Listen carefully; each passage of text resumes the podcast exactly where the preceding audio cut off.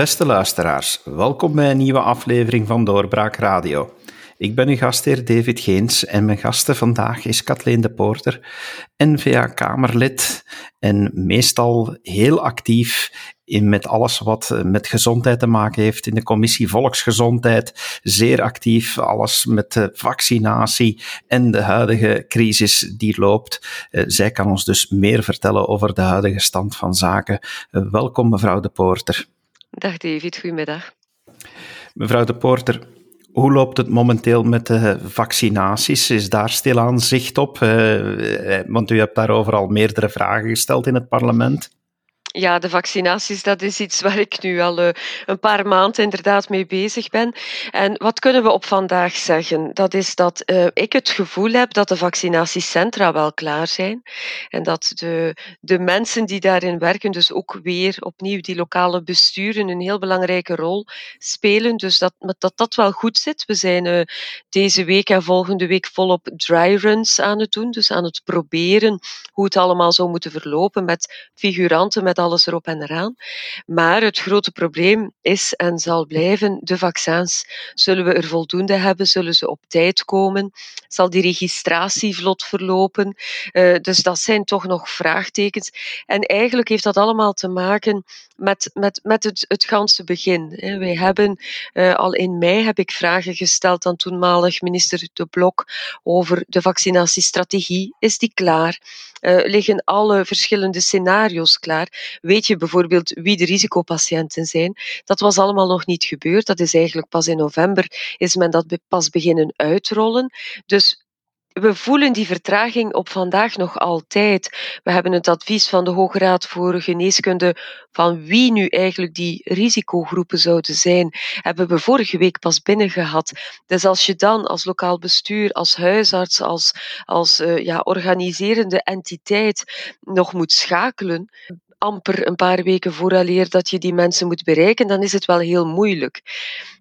Hetzelfde geldt voor de vaccins. Uh, ook daar, ja, de federale regering die heeft zich ge gekoppeld aan Europa. Die heeft op de Europese trein gesprongen, zegt minister Van den Broeke altijd. Ja, het blijkt dat die trein sputtert. Uh, die trein doet niet wat hij zou moeten doen als een TGV door Europa razen. Maar er zijn toch wel heel wat ja, problemen die zich voordoen. Europa is een beetje te optimistisch geweest. In het afsluiten van de contracten toch ook wat naïef, heb ik zo het gevoel. Zij zijn ervan uitgegaan, wij investeren veel in de ontwikkeling. Dus wij zullen eerst bediend worden. Maar wat zien we op vandaag? Dat de UK, Israël, eh, de US sneller toegang hebben tot die vaccins. Maar zij hadden ook veel geïnvesteerd. En waarschijnlijk hebben zij in hun contracten toch veel meer die, die verbintenis meegenomen dan de inspanning gevraagd van de, van de firma's. En daar zit dan de nuance, het verschil. Maar dat, dat kost ons natuurlijk wel wat tijd. En ik zeg altijd, elk vaccin dat we niet kunnen plaatsen is een vaccin, uh, is, is, is, een, is een, ja, een mensenleven dat ons kan kosten, is een vaccin verloren. En dat is wel, uh, dat is wel heel jammer om dat op vandaag vast te stellen. Is onze regering dan te laks geweest om gewoonweg te vertrouwen op Europa? Had ze daar zelf meer initiatief moeten nemen, proactief zijn om die contracten na te kijken of zelf regelingen treffen? Ja, je stelt toch vast dat andere landen dat toch iets meer gedaan hebben. En, en, pas op, dat maakt misschien het grote verschil niet als je meegestapt bent in die trein uh, van Europa. Maar bijvoorbeeld, wat hebben wij gedaan deze zomer? Wij hebben ons gewoon aangesloten. Wij zijn niet proactief gaan werken zoals Nederland, Duitsland, Frankrijk en Italië, die al in juni een um, vaccinalliantie hebben gecreëerd. Die vaccinalliantie is dan meegegaan op de Europese trein, zoals we zeggen. Maar wat is nu het verschil? Dat is dat die landen, Nederland, Duitsland, uh, Frankrijk en Italië, dat die wel mee aan tafel zaten. Dat die dus mee de contracten hebben onderhandeld, samen met nog een, een, een viertal landen. Wij, België, wij hebben genoegen genomen met die tweede lijn. En dan krijg je het contract voorgeschoteld en dan kan je kiezen, je gaat mee of je gaat niet mee. Maar ik, ik vind toch dat een, een, een land als het onze, dat zo een prominente rol speelt in de ontwikkeling van vaccins, hè, de puursvaccins, die worden in onze achtertuin gemaakt, dat, dat je dat dat land dan ook de verantwoordelijkheid moet nemen om na te gaan of die contracten effectief wel waterdicht zijn. Vorige week heeft uh, minister Van den Broeke in de plenaire gewoon gezegd van ja, nu blijkt dat die contracten niet waterdicht zijn. Wel, mijn vraag is dan, heb je ze wel gelezen? Heb je je wel de moeite gedaan om voor, eh, voor je bevolking echt er voluit voor te gaan om die vaccins tot bij ons te brengen? Dit is een van de, van de of de belangrijkste aankoop in, in, in de voorbije 50, 60 jaar, uh, die onze economie opnieuw zal doen herleven, die onze gezondheidszorg zal doen ademen, die ons mensen opnieuw weer naar buiten krijgt en naar hun normale leven. En dan, dan neem je genoegen met in tweede fase een contract te lezen en ja, mee te gaan of niet. Dan ga je ook nog eens een flater waar je 2,5 miljoen Pfizer-vaccins vergeet te bestellen. Uh, dat is in december gebeurd. Dus dat, dat getuigt toch dat uh, dat hele precieze proces dat het aankopen van die vaccins is en ze tot bij de burger brengen, dat dat niet voldoende, uh, vol, voldoende serieus is genomen. En ja, mij lijkt dat de federale regering hier toch wel uh, in gebreken is die 2,5 miljoen waar u net naar verwijst, die men vergeet te bestellen, is, is dat het dossier van die zogenaamde vergeten handtekening? Ja, dat is dat dossier. Dus we hadden deze zomer beslist om mee te gaan in de aankoop van de Pfizer-vaccins. Dat was een initiële aankoop van 200 miljoen vaccins. Omgerekend, volgens het aantal inwoners, had België dan recht op 5 miljoen van die vaccins. Nu, in de maand december beslist de Europese Commissie om de, de additionele optie, dus naast die 200 miljoen was er een optie voor 100 miljoen extra Pfizer-vaccins, om die optie te lichten. Elke staat krijgt de kans om in te tekenen of niet. Wel, dat is het vergeten handtekening. Dus België heeft dat niet ondertekend, de template was niet ingevuld, waardoor de Europese Commissie ervan uitging dat wij die vaccins niet nodig hadden. De woordvoerder van de Europese Commissie die heeft bevestigd dat op dat moment Euro, uh, Duitsland 30 miljoen extra vaccins heeft kunnen bevestigen, omdat een aantal lidstaten niet meededen aan die extra 100 miljoen vaccins.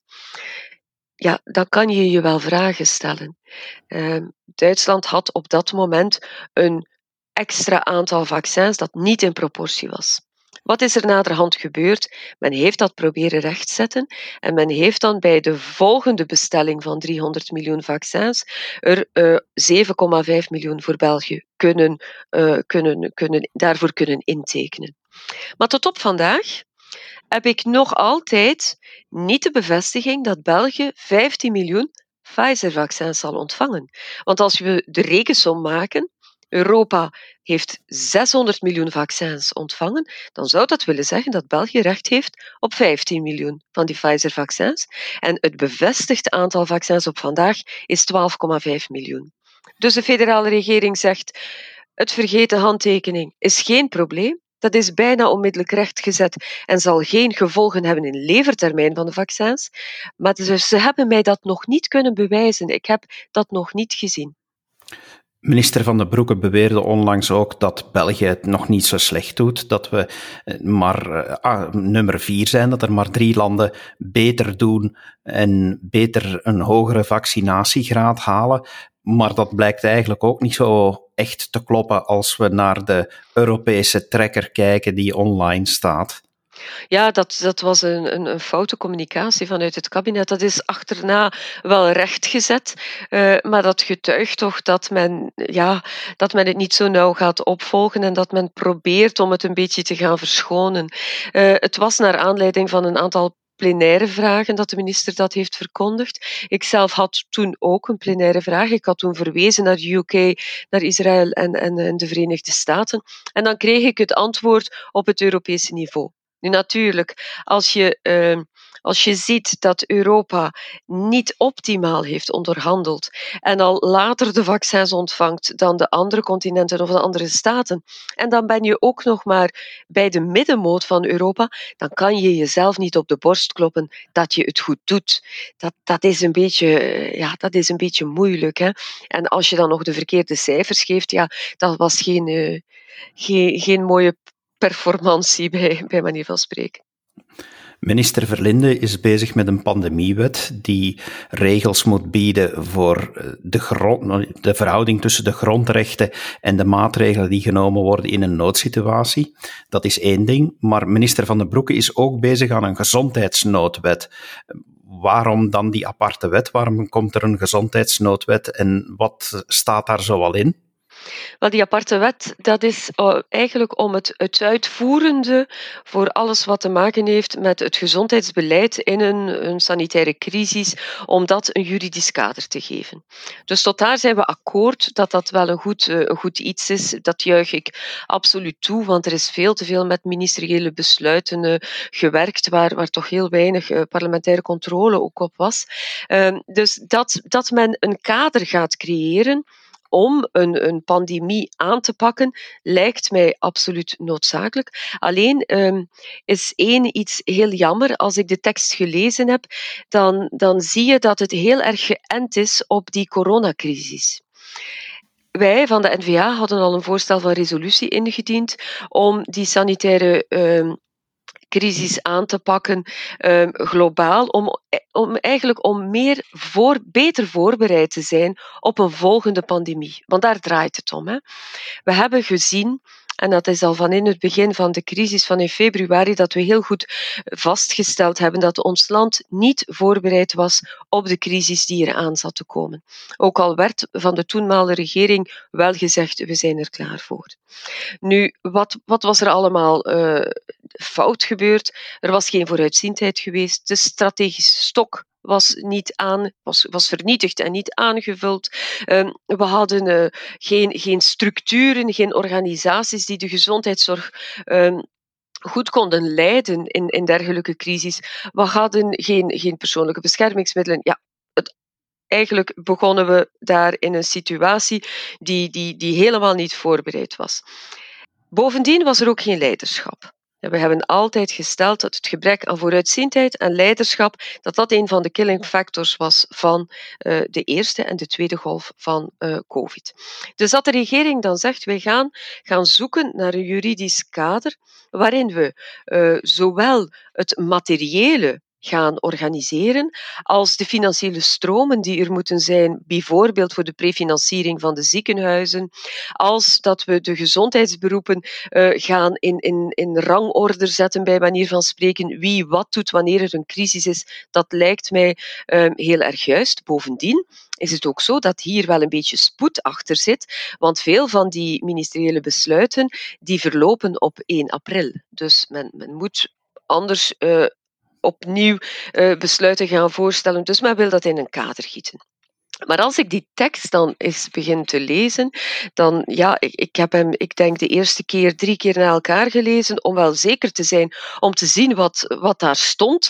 Dan, dan lees ik een bijna overname van het ganse stelsel rond de volksgezondheid van de minister van Volksgezondheid. Dus de minister gaat zich in deze wet, en ik moet er wel bij zeggen, het is een werktekst, het is nog niet afgeklopt binnen de regering, maar hij was wel al zover dat hij ingediend was in Europa ter controle. Dus kan je toch niet zeggen dat het een, een, een, een brainstorming is. Het is een tekst die echt wel al uh, vorm heeft, doordacht is en in interkabinetaire overleggen is voorgesteld. Maar als je dus naar die, die tekst gaat kijken, dan kan de minister van Volksgezondheid zelf bepalen wanneer we in een pandemische toestand ons bevinden. En dat bevinden we ons dan wanneer er een, een nood aangetoond moet worden voor, voor, voor de bevolking, waar er dus gezondheidsproblemen zich voordoen voor de bevolking. Maar hier staat niet gestipuleerd uh, aan welke voorwaarden er allemaal moeten voldaan worden internationaal. Dus eigenlijk kan de regering zelf al gaan beslissen, ja, nu gaan we die wet uh, gaan toepassen en de regering kan ook beslissen voor hoe lang ze die wet zal gaan toepassen. Dat is op zich al een gevaarlijke zaak. Ten tweede is het ook zo dat in dat voorontwerp er heel weinig parlementaire controle wordt, uh, wordt meegenomen. Eén keer in de drie maand zou de minister naar het parlement gaan om te gaan duiden welke maatregelen er genomen zijn en hoe de gezondheidscrisis wordt uh, aangepakt. Eén keer in de drie maand en dan heeft hij nog een maand om naar het parlement te gaan. Dus dat, dat, kan, je, dat kan je in een situatie waar we ons de laatste, de voorbije maanden hebben in, eh, in, in, in, waar we in verkeerd hebben, kan je dat eigenlijk toch echt niet verantwoorden. Eén keer per drie maanden naar het parlement gaan en voor de rest heel uh, verregaande acties nemen. En als ik dan dieper, dieper ga inkijken op die uh, acties, dan zie ik dat de minister zichzelf de macht toe-eigent om bepaalde uh, bedrijven te gaan sluiten, andere bedrijven uh, te gaan overnemen, bij manier van spreken. Uh, de, de, minister gaat ook, wanneer er een tekort is aan bepaalde geneesmiddelen, de macht hebben om, om zelf medicijnen te gaan produceren. Um, ook om medicijnen uit een bepaald bedrijf of uit een apotheek te gaan opvorderen en die dan zelf te gaan verdelen, via ziekenhuizen of niet. Dus dat is een, een zeer, uh, in mijn ogen is dat een, communistisch werkstuk. Er zit trouwens ook een uitbreiding van de dwanglicenties in. Uh, wij hebben deze week in het parlement nog een, uh, een discussie gehad rond dwanglicenties, een voorstel van de communistische partij. Dus dat is echt wel iets dat in, in deze ideologie hoort, maar dat is totaal de ideologie niet waar wij als, uh, als N-VA-fractie voor staan. Ik heb van in het begin van de crisis heel duidelijk gezegd, en we hebben dat echt allen, met z'n allen kunnen vaststellen, als we op zoek waren naar mondmaskers bijvoorbeeld. Ons land en bij uitbreiding Europa was veel te afhankelijk geworden van geneesmiddelen en, en medische hulpmiddelen van Azië. We hadden hier geen productie. We hebben hier wel ontwikkeling um, eh, ontwikkeling van geneesmiddelen, maar we laten ze produceren in Azië. Dus dat daar iets aan moet gedaan worden, daar zijn we het volmondig over eens.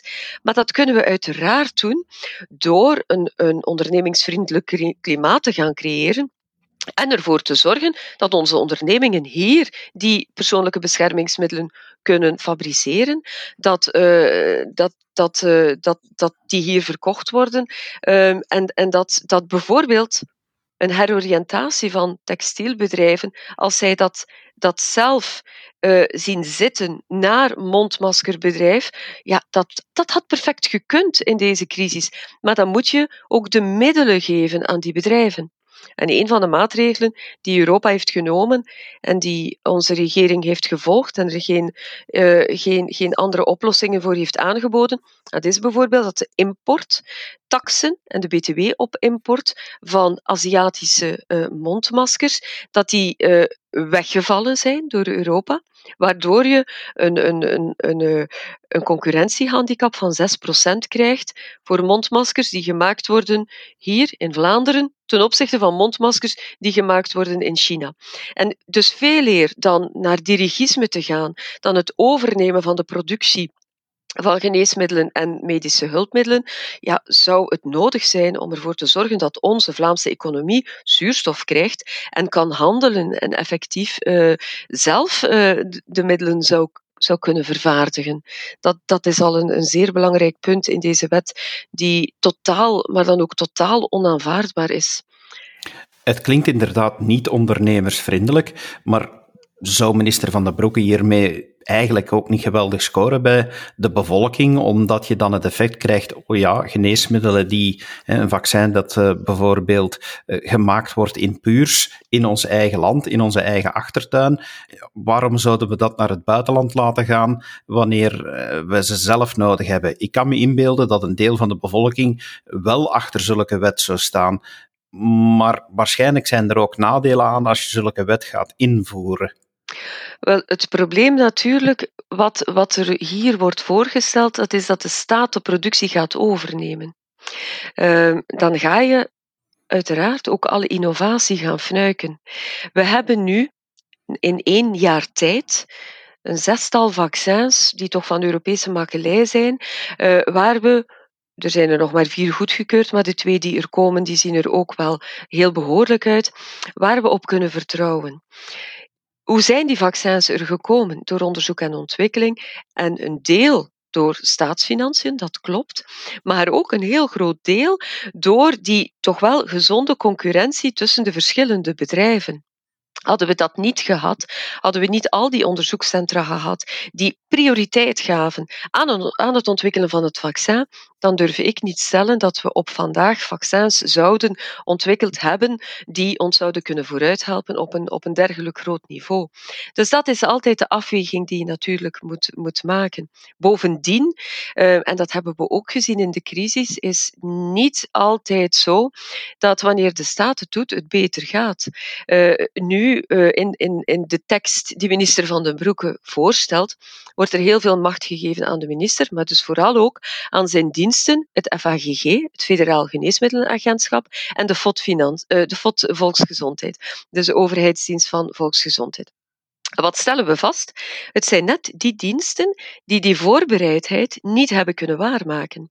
De FOD Volksgezondheid was verantwoordelijk voor de strategische stok aan mondmaskers en spuiten.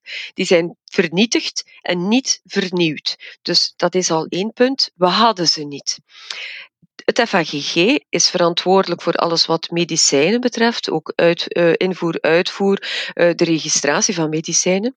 Maar daar hebben we in eerste instantie een saga gehad rond de mondmaskers, die maar niet naar ons land kwamen. De, de, de orders werden maar niet gezet. Uh, een heel moeilijk verhaal, dat kennen we allemaal.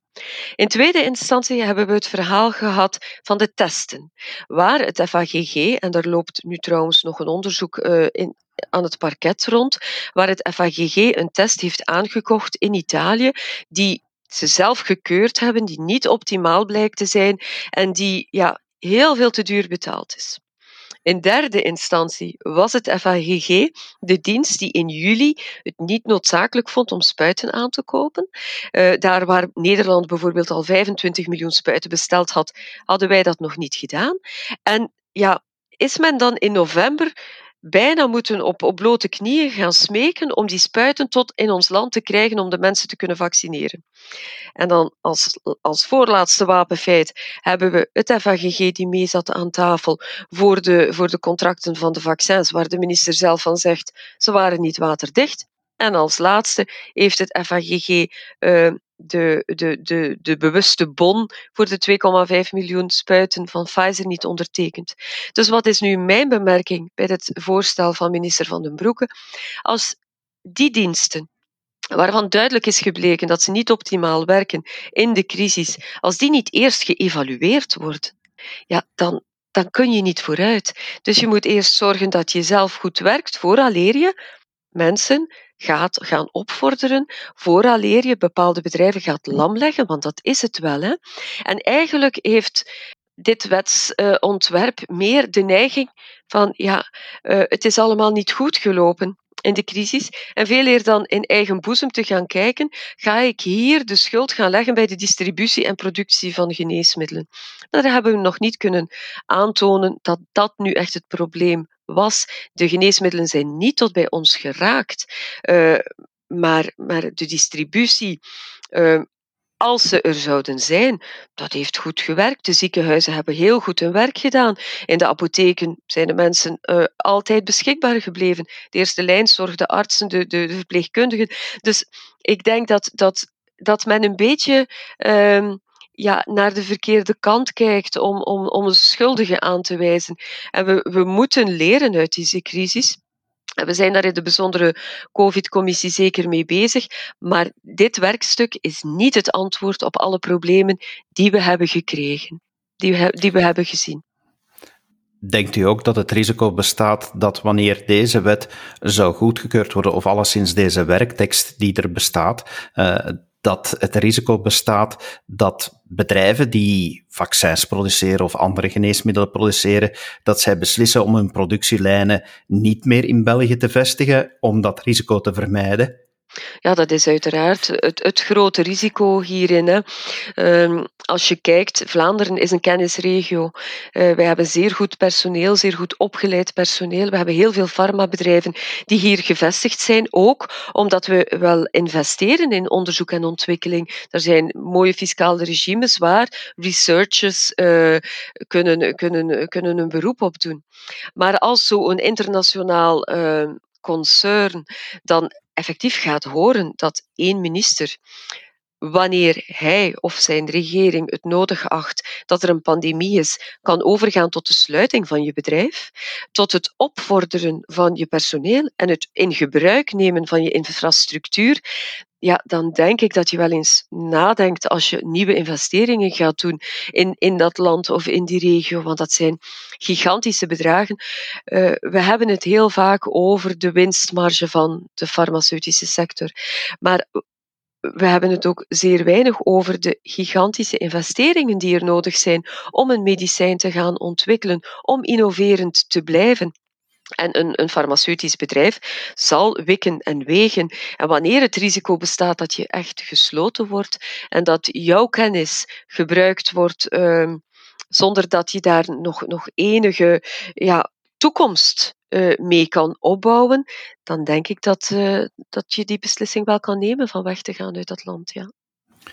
Als u nu kijkt vanuit al uw expertise en, en, het feit dat u dit al maanden en maanden nauwgezet opvolgt, denkt u dat we klaar zijn om met de vaccinatie, eh, de echt grote vaccinatieronde te starten, wanneer de leveringen beginnen? Wel, zoals ik uh, daarnet zei, de sector is klaar. De lokale besturen zijn klaar.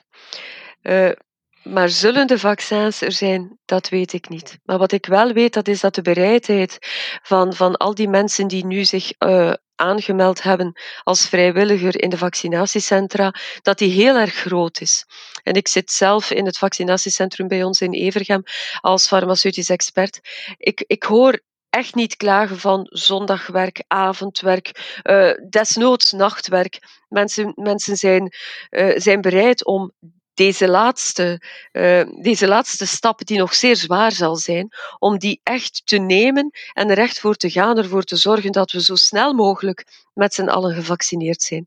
Maar de bottleneck is en blijft de vaccins. Als ze tot hier komen, dan ben ik er echt gerust in. Uh, maar die als is wel uh, echt voorwaardelijk. Omdat u de zaak ook al opvolgt van onder de vorige regering, wil ik u eigenlijk nog om uw mening vragen over de communicatie van ex-minister De Blok, die we nu net gezien hebben, die, die eigenlijk na maanden zwijgen eh, toch opmerkingen maakt over de communicatie. Vindt u dat gepast dat de minister met alles wat er voorheen gebeurd is, nu zelf die kritiek geeft over die communicatie? Ja, nee, ik vind dat totaal ongepast. Als ik, uh, als ik zie hoe in het begin van de crisis uh, het, uh, de ontkenningsfase maar hardnekkig werd aangehouden, wat een chaos er gecreëerd is door um, door nonchalance in die vorige uh, federale regering, ja, dan, dan vind ik niet dat er nu uh, kritiek moet worden geuit. Ook niet op, op, op de experten of dergelijke meer. Als iedereen heeft het recht om kritiek te uiten, maar dan moet je toch wel eerst in zijn eigen boezem kijken. En ik denk dat, uh, dat mevrouw De Blok zich echt niet. Uh, echt niet uh, kan permitteren om, om anderen uh, de, de, de, de schuld uh, toe te schuiven. Um, er zijn veel fouten gebeurd. Um, het is uiteraard niet allemaal de fout van de minister. Het is altijd een team. Um, maar enige precisie, enige vooruitziendheid, enige leiderschap was echt nodig op dat moment. En die ontbrak. Als ik hoor dat uh, in een vergadering met de gouverneurs, uh, de gouverneurs zeiden van wij moeten nu actie ondernemen. En de minister zelf degene was die zei van nu, dat is nog niet nodig. En we waren toen begin februari en, en we hoorden al overal in de wereld dat er zaken aan, aan de gang waren dan denk ik niet dat het uh, gepast is dat uh, oud-minister De Blok op vandaag kritiek geeft. Mevrouw De Poorter, dank u wel dat u tijd hebt vrijgemaakt om dit alles toe te lichten in onze podcast. Graag gedaan.